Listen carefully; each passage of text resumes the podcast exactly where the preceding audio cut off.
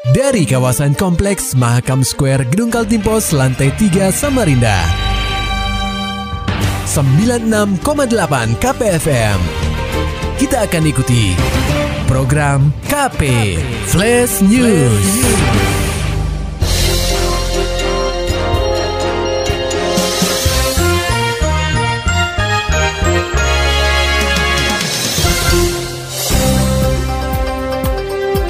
Anda sedang menyimak program KP Flash News bersama saya Agung Pratama. Berita utama. Pendengar KP, menghadapi malam pergantian tahun, Pemkot Samarinda bakal memperketat pengawasan di area Taman Tepian Mahakam, Jalan Gajah Mada, Kelurahan Jawa, Kecamatan Samarinda Ulu. Sebab, semenjak aktivitas pedagang kaki lima atau PKL sejak Sabtu 20 November 2021 lalu, kawasan itu menjadi ramai dan berpotensi menimbulkan kerumunan di perayaan akhir tahun. Pemkot Samarinda melalui Satpol PP bakal berjaga di kawasan itu untuk mencegah kerumunan. Berikut keterangan Wali Kota Samarinda Andi Harun.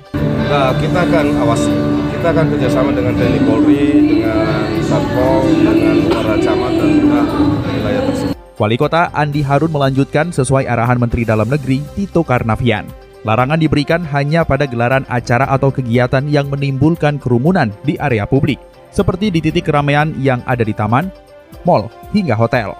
Andi menyebutkan di tepian Mahakam hanya diisi aktivitas perdagangan dengan jam operasional yang sudah ditentukan, yakni dari pukul 16.30 hingga 21.30 waktu Indonesia Tengah, sehingga kawasan itu tidak akan ditutup. Kembali, Wali Kota Andi Harun menjelaskan, Untuk semua kegiatan yang sifatnya perayaan tahun baru melibatkan kerumunan orang kita larang.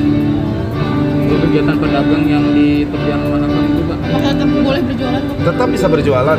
Yang kita larang aktivitas masyarakat Oke. yang merayakan tahun baru dengan berkerumun. Satpol PP Samarinda juga akan mendirikan posko-posko yang diisi tim gabungan TNI dan Polri dalam rangka pengamanan pergantian tahun baru. Sementara itu pendengar KP kurang dari dua pekan lagi, Hari Raya Natal tiba, kemudian dilanjutkan dengan pergantian tahun baru. Pada dua momen tersebut, Pemprov Kaltim memastikan keperluan pokok warga aman. Pemerintah memprediksi ketersediaan bahan pangan cukup hingga sampai tiga bulan ke depan. Dalam sebuah kegiatan, Wakil Gubernur Kaltim Hadi Mulyadi mengatakan stok bahan pokok tersebut masih bisa memenuhi kebutuhan masyarakat Kaltim hingga akhir tahun.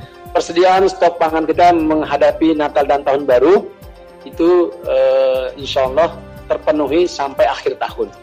Artinya senti karena kita ini Indonesia ini terlalu banyak acaranya pak.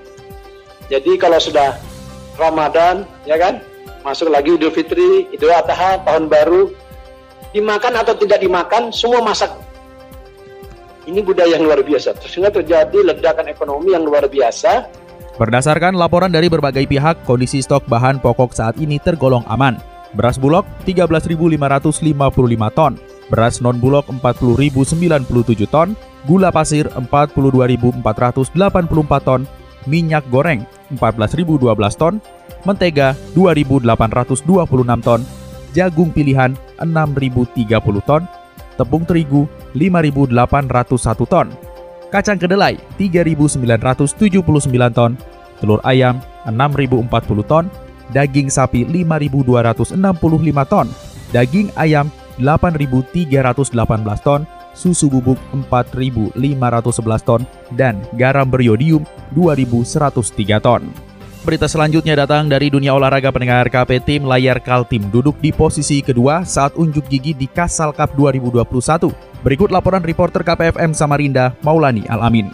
Pemprov Persatuan Olahraga Layar Seluruh Indonesia atau Porlasi Kaltim mengikuti kejuaraan tingkat nasional yakni Kasal Cup 2021 pada akhir November lalu di Jakarta.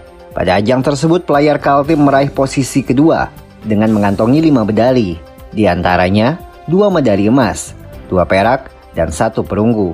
Kepada wartawan di Samarinda, Ketua Pengprov Porlasi Kaltim Teddy Abai mengatakan, hasil dari kejuaraan tahunan ini dimanfaatkan untuk persiapan atlet di kompetisi lainnya di tingkat nasional. Paling utama adalah persiapan menghadapi Pekan Olahraga Nasional atau PON ke-21 tahun 2024 di Aceh dan Sumatera Utara. awal kami sampaikan bahwa Kasal Cup ini buat Kaltim hanya sebagai target antara, bukan sasaran utama. Tapi tryout atau latih apa namanya pertandingan yang berlevel nasional itu kan agak sulit di zaman pandemi covid. Apalagi saya sudah form. Nah target kami itu ada dua. Target pertama kami juga pengen punya medali dong jangan sampai dapat medali. Kami ranking karena berpengaruh. Tapi yang kedua target utamanya adalah men-tryoutkan atau mengikutkan atlet-atlet junior Dalam Kasal Cup 2021 ini, Pemprov Porlasi Kaltim menurunkan atlet junior yang memiliki debut perdana bertanding di tingkat nasional. KPFM Samarinda, Maulani Al-Amin melaporkan. Serta dapatkan berita-berita selengkapnya di www.968kpfm.co.id. Demikian tadi telah kita simak rangkaian berita-berita yang terangkum dalam program KP Flash News. Persembahan dari 96,8 KPFM. Terima kasih dan sampai jumpa.